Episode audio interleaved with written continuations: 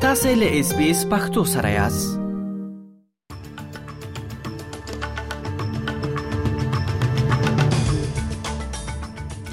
د خبرونو سرټکی ملګرو ملتونو د افغانستان بهرنیو چارو سرپرست وزیر متقی ته د پاکستان او چین د وزیرانو سره د ملاقات لپاره پاکستان ته د چک د تګ اجازه ورکړې ده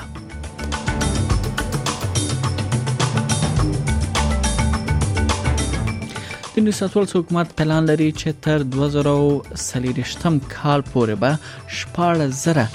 نوي ښوونکي دوی په دایمي قراردادو باندې وګماري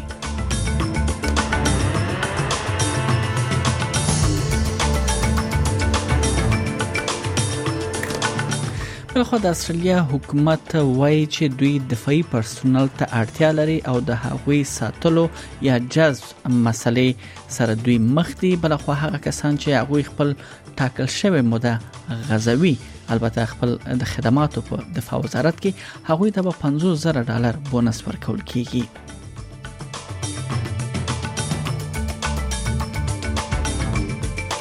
بل خو د ملګرو ملتونو مشر دوه کې له شلو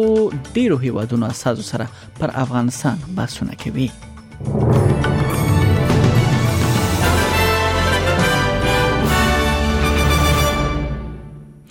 دا هم بشپړ خبرونه د ملګرو ملتونو امنیت شورا یوې کمیټې د دوشنبه پر ورځ د طالبانو د بهرنیو چارو سرپرست وزیر امیر خان متقی ته اجازه ورکړه چې راتلونکي اونۍ پاکستان ته سفر وکړي او د دې هیواد او چین د بهرنیو چارو وزیرانو سره وګوري رابه شو استرالیا ته د نیو ساتورل زیالت د پوهنې ریاست د خوانځیو لپاره د استخدام او ساتلو یا د ښوونکو ساتلو د یوې نوښت لمخه شاوخوا 1400 ښوونکي او ملاتړ کوونکي کارمندانو لپاره د دند تضمین چمتو کوي دغه ریاست په شاوخوا 250 دولتي ښوونځیو ته د موقته ښوونکو او همکارو کارکونکو ته د دایمي قراردادونو ورکړه رسمي وړاندیز وکړي د پروګرام مخه دا ده چې په لومړي پړاو کې لا زره موقتی خونکي او شپږ زره مرستندوی کارکونکي دایمي قراردادونو ته دوی انتقال شي او په پایله کې تر 2023 کال پورې به شپږ زره نوي پوسټونه رامنځته کړي د نیو ساوت ویلز ایالت مشر کریس منز وویل چې د نوښت هدف د نیو ساوت ویلز ایالت خوانځیو کې د استادانو ساتلو بحران حل کول دي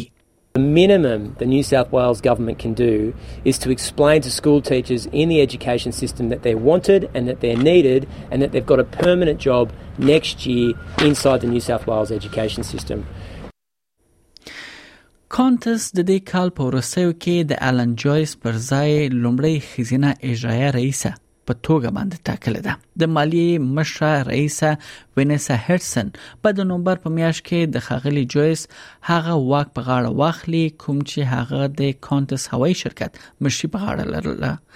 اغله هډسن وایي د هغه یو له مهمو لومړیتوبونو څخه بداوي چې د کانتس شهرت د ترمیم کار ته د دوام ورکړي ځکه چې په ورسېو کلونو کې کانتس هوایي شرکت لزینو سختو نیوکو سره مخ شوی وو We were very upfront in, in terms of uh, recognising that uh, the customer experience was not where we wanted it. Uh, and we've invested an enormous amount of money, $200 million this year, in getting the performance back to where it needs to be, and it is back uh, uh, where we were pre COVID. And our focus going forward is going to continue to improve on delivering to our customers, uh, not just every day, but we know every flight We've got to win customers and we've got to win their support. بل خو د استرالیا فدرالي حکومت د راتلونکي اونۍ په بودیجه کې د 55 کلونو څخه پورته عمر لرونکي کسان کوم چې د کار په لټه کې دي او حکومتي هوساینې پیسې همدغه دوران کې دوی اخلي هغه ته به د حکومتي پیسو رقم لوړ کړي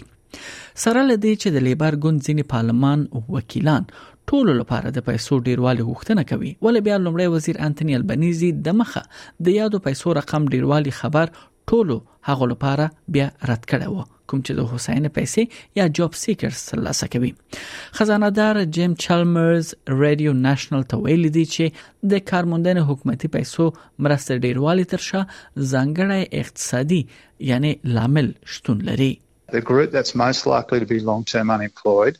are people over 55. Uh, that that group is dominated by women. That the most vulnerable part of uh, the unemployed population in Australia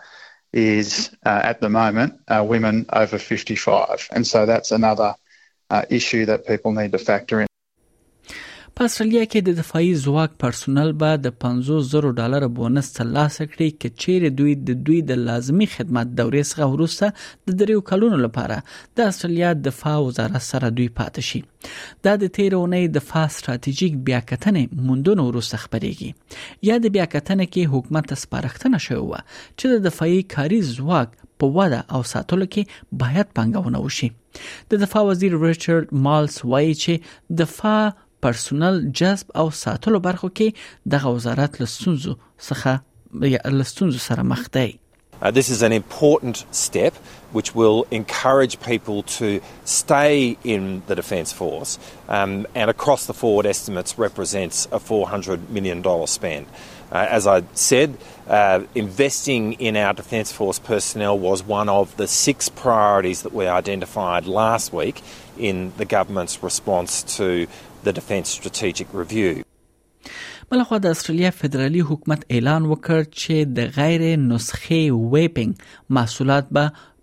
په دغه محصولاتو په واردولو باندې به بندیز ولګوي دا بندیز چې د ویپینګ محصولاتو باندې لګول کیږي په تیرو لس کلونو کې به ساره دی ځکه په دې ورسېو کې ځوانان او لویان له کنټروله یا له کوم کنټرول پرته په آزاده دیات موزره الکترونیکی سیګریټ یا ویپینګ په کارولو باندې دوی روغدي شوې دي د ای بي سي د کیو ان ای په پروګرام کې خبرو پر مهال د روغتیا وزیر مارک بیټلر د تنباکو کاروبار کوونکي د ځوانانو په روګدي کولو باندې تورن کړل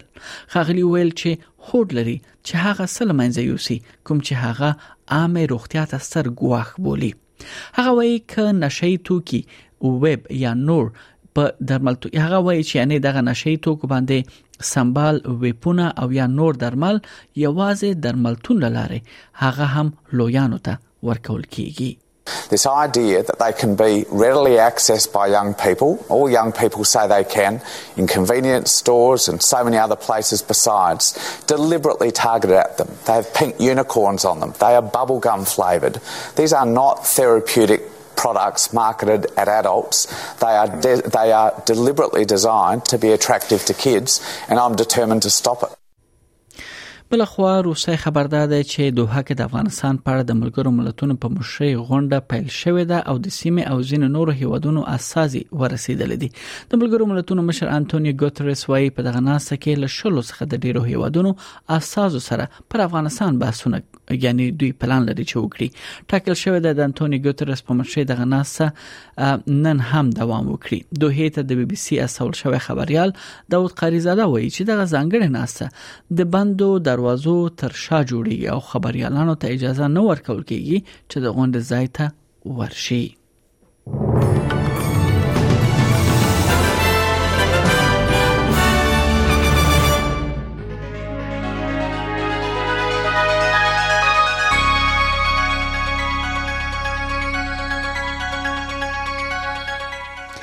دا هم د اصلي ډالر پر وړاندې د زینو بهرنۍ اسعارو بیه په نړیوالو مارکیټونو کې یو اصلي ډالر 0.15